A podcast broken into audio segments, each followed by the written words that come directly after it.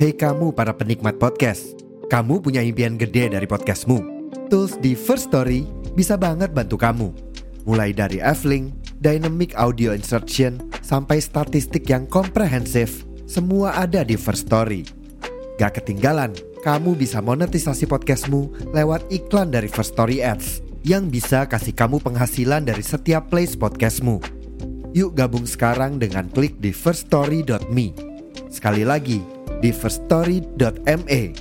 Mari kita bawa mimpi podcastingmu menjadi kenyataan. Apa yang mereka lakukan itu ya, aksi cepat tajir.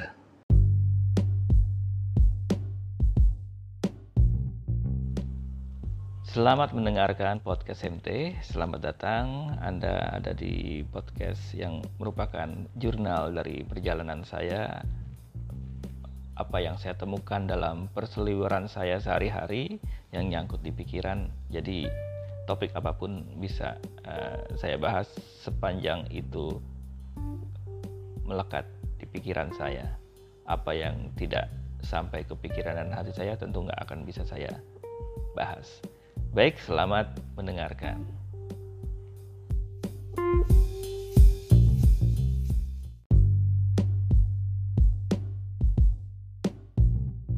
Orang Indonesia itu memang empatinya besar.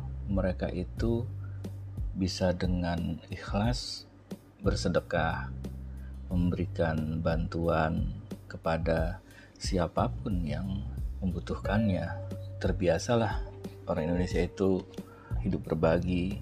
Persoalannya memang ada lembaga-lembaga maupun tokoh-tokoh yang mengelola sedekah sebuah bisnis filantropi yang belakangan ini mulai dikorek ya dan ternyata memancing banyak respon dari masyarakat kita juga. Wah, ternyata gaji elit lembaga filantropi tersebut tinggi banget. Bahkan menurut penelusuran majalah Tempo, gaji tertingginya 250 juta. Dan banyaklah yang diungkap di sana mengenai sumbangan-sumbangan yang fiktif, kampanye-kampanye yang lebay ya, yang nggak seperti fakta.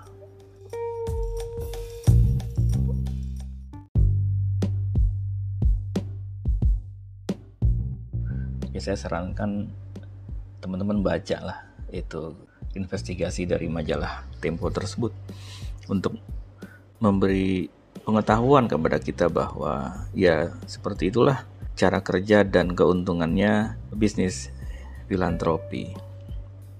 Belum lama kita juga ramai dengan kasus seorang ustadz yang sampai hari ini kasusnya juga belum selesai ya memang selalu ada orang-orang yang memanfaatkan kebaikan masyarakat ya untuk mencari keuntungan dengan berbagai macam alasan dan berbagai macam argumen ya untuk membenarkan apa yang sudah mereka lakukan untuk mempertahankan organisasi yang mereka jalankan. Nah, dari sini kita belajar gimana ya kalau bersedekah langsung aja lah kepada orang-orang yang terdekat, orang-orang yang dikenal kalaupun kamu mau uh, bersedekah kepada sebuah lembaga ya dengan lembaga yang memang uh, kamu sudah percaya dengan orang-orangnya.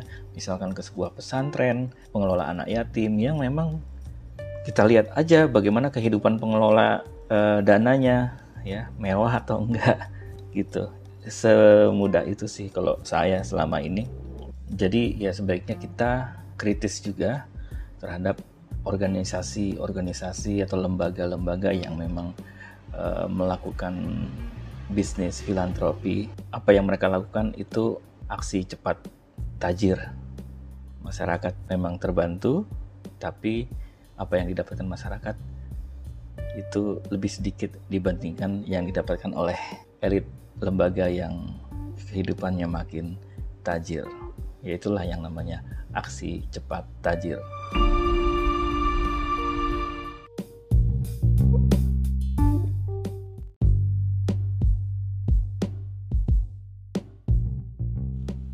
Terima kasih sudah mendengarkan podcast MT.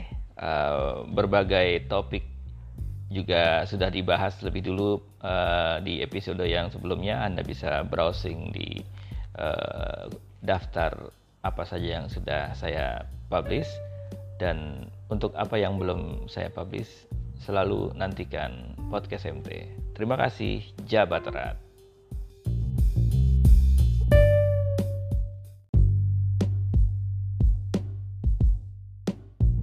Kata Ustadz Anu, beribadah nggak membuat orang jadi miskin. Nggak ada orang yang pulang umroh atau haji jadi miskin. Karena itu dia lebih nyuruh umroh ketimbang nabung. Gimana menurut Om MT? By the way, aku rajin ibadah tapi tetap miskin. Oke, gue jawab ya. Yang pertama, boleh jadi pernyataan Ustadz itu benar. Dia kan bilang nggak ada orang yang uh, pulang umroh atau haji itu jadi miskin ya.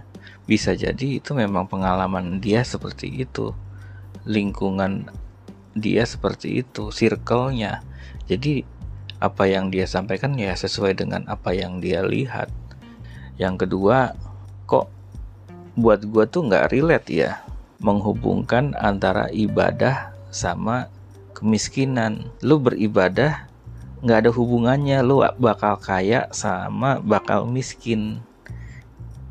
Karena ibadah itu kalau sampai lo misalkan punya ibadah tapi niat lo pengen kaya lo udah salah niat sih kayaknya.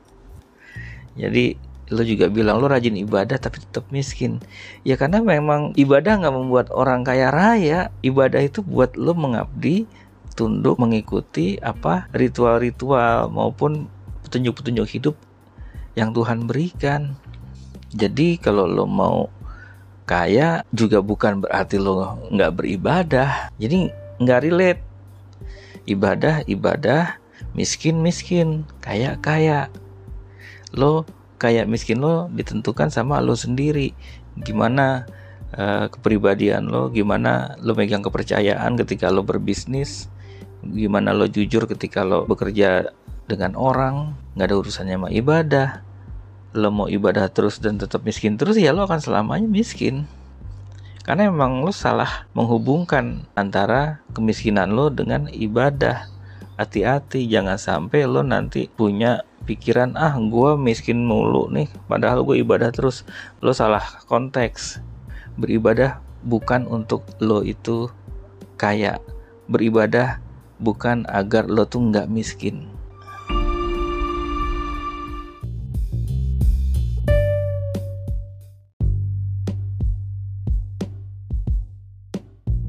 Kata Ustadz Anu, beribadah nggak membuat orang jadi miskin. Nggak ada orang yang pulang umroh atau haji jadi miskin. Karena itu dia lebih nyuruh umroh ketimbang nabung. Gimana menurut Om MT? By the way, aku rajin ibadah tapi tetap miskin. Oke, gue jawab ya.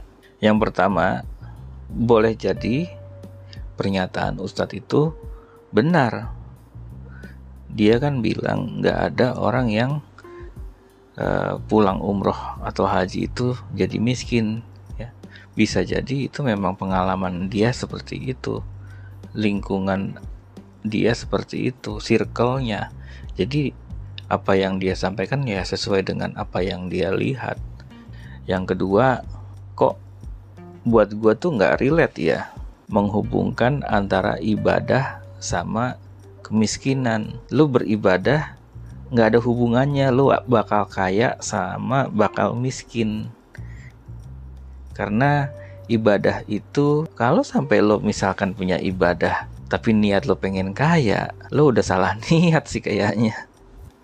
Jadi lo juga bilang lo rajin ibadah tapi tetap miskin.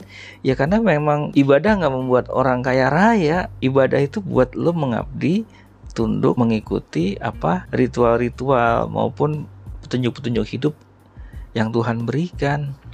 Jadi kalau lo mau kaya juga bukan berarti lo nggak beribadah. Jadi nggak relate ibadah ibadah miskin miskin kaya kaya lo kayak miskin lo ditentukan sama lo sendiri gimana uh, kepribadian lo gimana lo megang kepercayaan ketika lo berbisnis gimana lo jujur ketika lo bekerja dengan orang nggak ada urusannya sama ibadah. Lo mau ibadah terus dan tetap miskin terus ya lo akan selamanya miskin. Karena emang lo salah menghubungkan antara kemiskinan lo dengan ibadah. Hati-hati jangan sampai lo nanti punya pikiran ah gue miskin mulu nih padahal gue ibadah terus. Lo salah konteks. Beribadah bukan untuk lo itu kaya. Beribadah bukan agar lo tuh nggak miskin